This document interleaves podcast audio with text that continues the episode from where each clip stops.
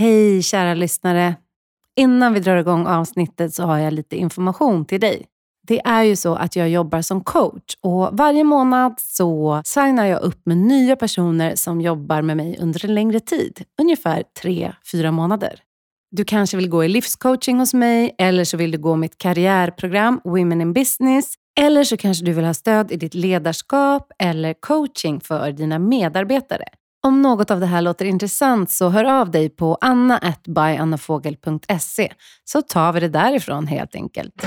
Och en till sak. Du som lyssnar på podden har ett specialpris på min onlinekurs 7 strategier för inre kraft och hållbarhet. Du går in på byannafogel.se inrekraft. Där kan du läsa mer om kursen och när du kommer till kassan så slår du in koden KAFFE så får du 200 kronor rabatt på kursen.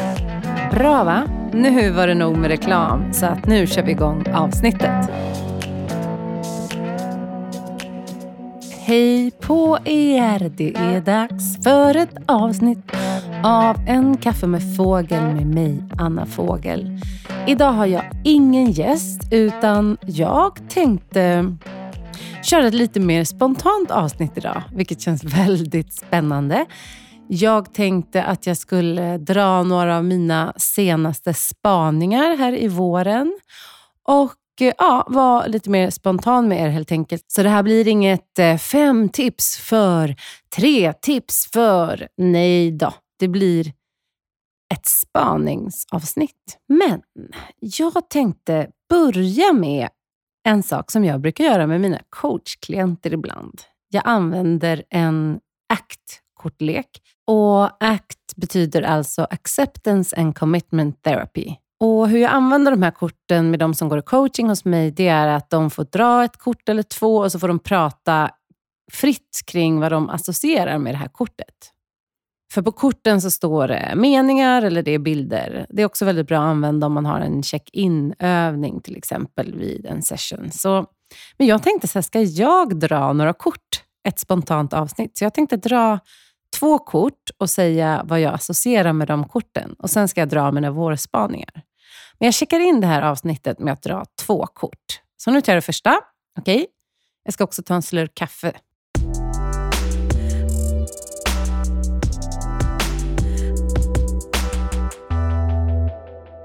Jag fick det här. Vad skulle du göra om du var rik? Det ska jag berätta.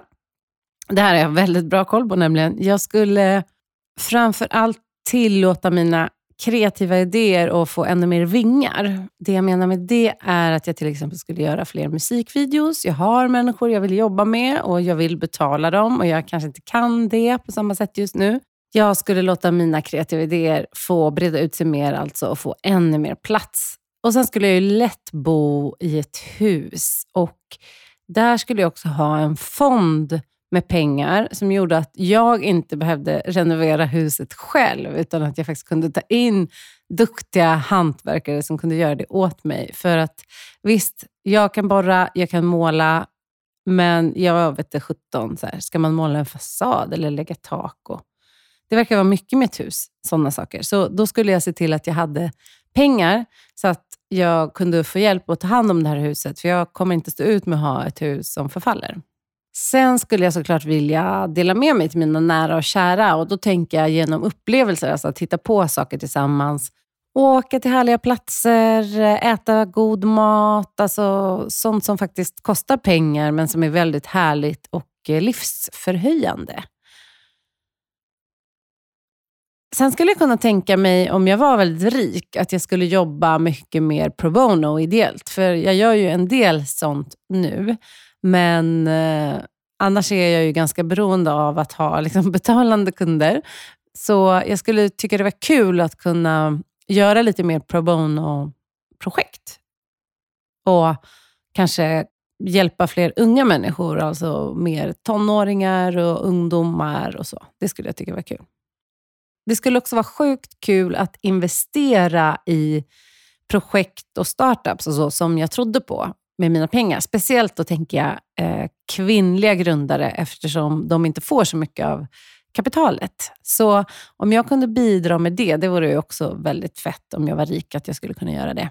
Men för det privata så handlar det väldigt mycket om att egentligen typ göra det jag redan gör, men på en lite förhöjd nivå. För pengar är ju frihet och pengar för mig är energi att kunna förverkliga idéer. Så ja, om jag var rik, typ samma, men next level då. Jag tar ett kort till. Vad betyder självständighet för dig? Oh, den här var ju jättebra. Självständighet för mig handlar det väldigt mycket om varför jag till exempel har valt att vara egen. Och Det är att kunna styra min tid och kunna styra min energi. Så det betyder att ett självständigt liv för mig, det är ju att jag faktiskt inte är slav under någons annans klocka till exempel. Men sen självständighet på ett större plan, det tänker jag har väldigt mycket med politik och mänskliga rättigheter att göra att i Sverige har vi en möjlighet att vara hyfsat självständiga, även om det finns mycket mer att jobba på med till exempel jämställdheten och sånt. Men eh, självständighet har ju också med mänskliga rättigheter och liksom frihet att få leva mitt liv på det sätt jag önskar. Såklart med hänsyn till andra, men inte under andra människors tvång. Självständighet betyder för mig också att ha en god ekonomi eh, och det betyder att jag tror på att jag kan klara av svåra saker. Och Självständighet har inte med att göra att inte be om, behöva be om hjälp, men att jag liksom har en tro på mig själv och ett självförtroende att jag faktiskt klarar av utmaningar och svåra saker. Det är också en viss självständighet för mig. Att jag vet att jag liksom är kapabel till att möta livets utmaningar. Men lägger till igen, för den skull, inte vara för rädd för att be om hjälp. För man kan ju bli liksom översjälvständig också.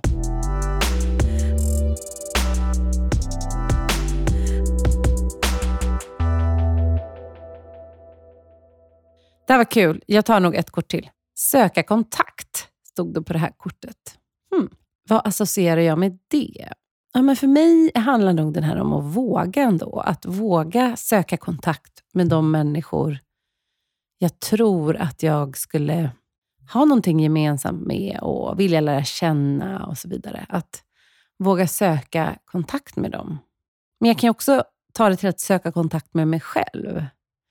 Att Eh, vara med mig själv, att våga vara med jobbiga känslor, att vara i kontakt med mig själv och mina drömmar och min längtan. Eh, söka kontakt. Jag tycker det är väldigt fint ett av mina favoritord är ju connection och det handlar ju också om kontakt. Både med mig själv, med andra människor, men också kanske med naturen eller någonting större.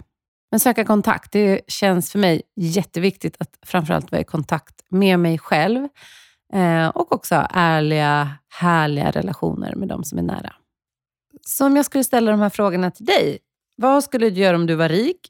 Vad betyder självständighet för dig? Och söka kontakt. Vad associerar du till det? Vad skulle du svara då? Det vore ju jättekul att höra. Du får gärna skriva på Instagram under avsnittet eh, om det är no några av de här som liksom talar till dig och som du vill skriva lite om.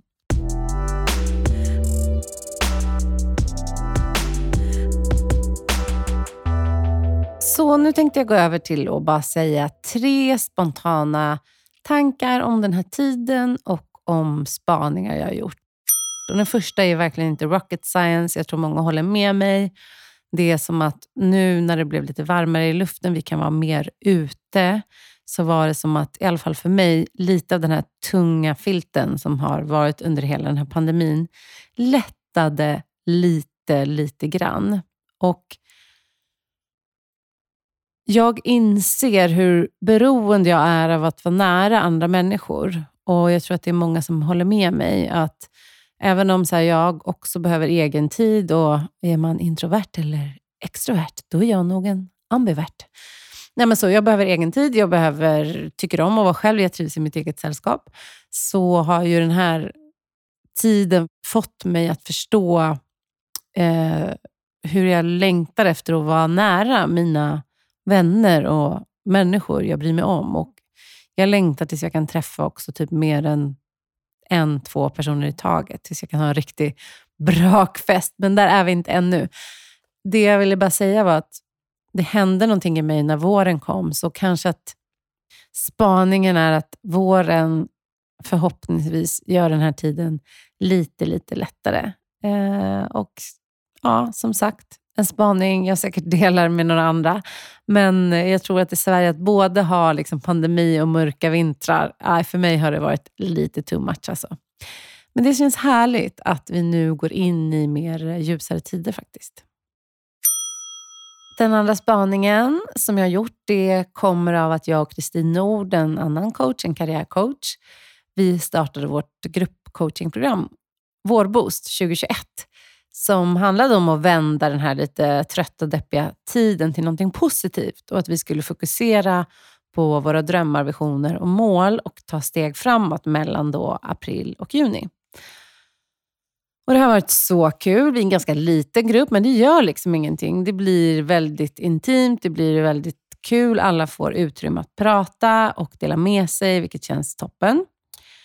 Eh, och Då jobbar vi ju med visioner och mål. Så spaningen är att, i alla fall för mig, jag vet att det här är olika, men för mig att det är otroligt viktigt att visualisera och se liksom, de saker jag önskar mig och vill ha och längtar efter framför mig. För att det är ett sätt att plocka in framtiden i nuet. Så till exempel att göra en vision board och ha i ditt rum eller på din vägg, det är ju att plocka in det du önskar av framtiden in i ditt nu. Eh, och samma om du gör en visualiseringsövning. Det är också att plocka in framtiden i ditt nu. Det är därför många av de här övningarna gör att du pratar i nutid. Till exempel, tack för att jag har det här. Jag har bla bla bla jag har en stark kropp, jag är frisk. Du kan prata om det i nutid som en affirmation. Då får du in din längtan, dina önskningar och dina mål i nuet och du kan känna dem i nuet, vilket också gör att du kan få njuta av känslan redan innan den har hänt.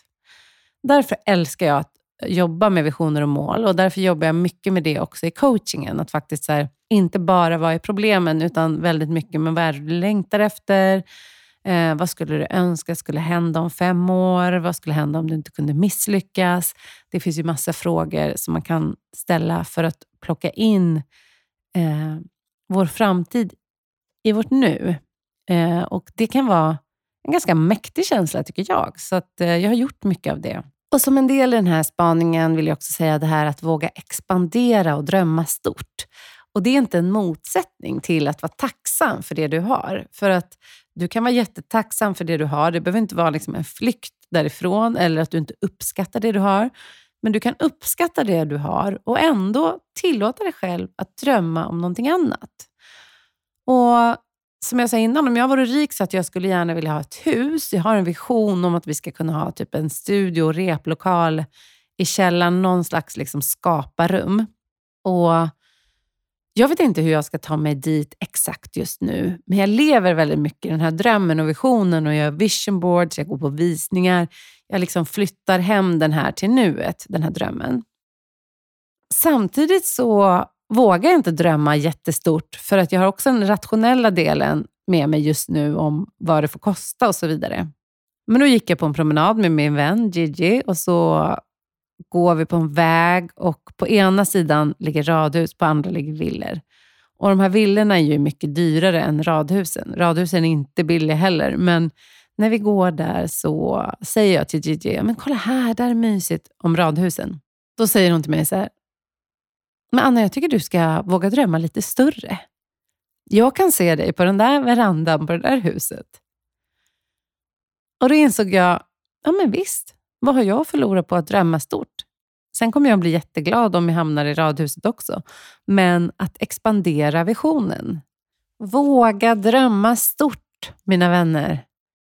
Det värsta som kan hända är att du har fått leva i en härlig dröm med alla dina känslor om hur det skulle vara att bo där. Och Det bästa som kan hända är att sannolikheten att du kommer dit du vill är större om du faktiskt vågar visualisera den här drömmen och sätta målet.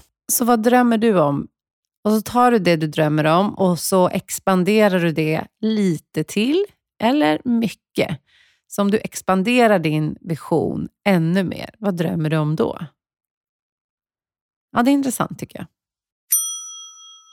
Och min sista spaning, det är ju en spaning som inte heller är liksom purung, men som kanske har aktualiserats väldigt mycket i den här pandemin. Och det är just att tacksamheten för att vara frisk och tacksamheten för att inte ha ont någonstans. Vilken annan livskvalitet det ger en. För att har vi inte hälsan, då kan vi liksom inte göra någonting av det vi drömmer om. Hela livet blir så påverkat. Vi kan självklart ha ett fantastiskt liv i alla fall, men ofta tar vi hälsan för givet. Och eh, Jag har ju själv levt med kronisk smärta. Jag har inte haft en smärtfri dag på 20 år, men nu börjar den här smärtan ge med sig. Och Den förhöjda livskvalitet jag känner av det, det kan jag nästan inte förklara i ord, för att jag har också vant mig vid att ha ont. Men jag har vaknat varje morgon med målet i sikte att jag en dag ska bli smärtfri. Nu är jag verkligen på väg dit och jag känner hur mycket mer energi jag har, hur mycket mer ork jag har. Att jag liksom har levt mitt liv och försökt leva det på samma nivå som en person som inte har ont, när man har så mycket mindre energi när man har ont. Så att min sista spaning det är bara den här tacksamheten för att inte ha ont, tacksamheten för att vara frisk. Den tar i alla fall jag med mig in i hjärtat. Och om du där ute har någonting som du kämpar med, oavsett om det är fysiskt eller mentalt, så säger jag bara ge inte upp. Jag har kämpat i 20 år och jag är nästan framme och det känns helt, helt fantastiskt. Och Det är ju någonting att tänka på. Just det här, den sjuka har bara en önskan och det är att bli frisk. Den som har ont har bara en önskan och det är att bli smärtfri. Och eh, om du som lyssnar också inte har ont någonstans, då kan ju det vara någonting att eh, tänka på. Att eh, wow, vad fantastiskt att min kropp funkar och jag har inte ont någonstans idag och min hälsa är bra och jag känner mig stark och frisk. Så det är också min spaning. I de här tiderna är det ju extra viktigt att vi tar hand om oss och jobbar förebyggande med vår hälsa och vårt välmående på olika sätt. Så därför är min värdering, toppvärdering, hälsan först i allt. Och eh, jag håller den väldigt hård och jag tar den på allvar eftersom jag vet hur det kan kännas när hälsan inte riktigt finns där.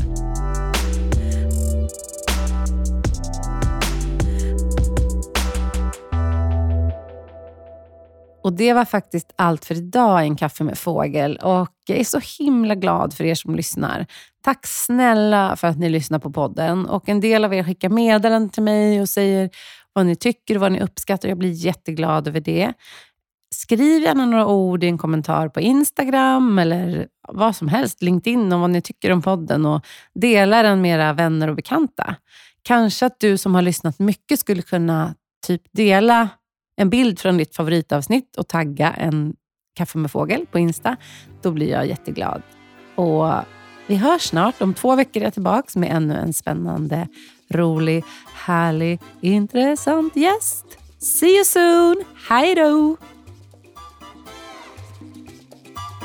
En kaffe med fågel är idag inspelat på The Park Södra i Stockholm och följ podden på Instagram vet jag, att en kaffe med fågel. Följ gärna mig på Instagram, at Fågel.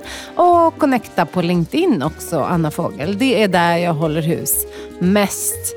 Ha det så bra, vi hörs!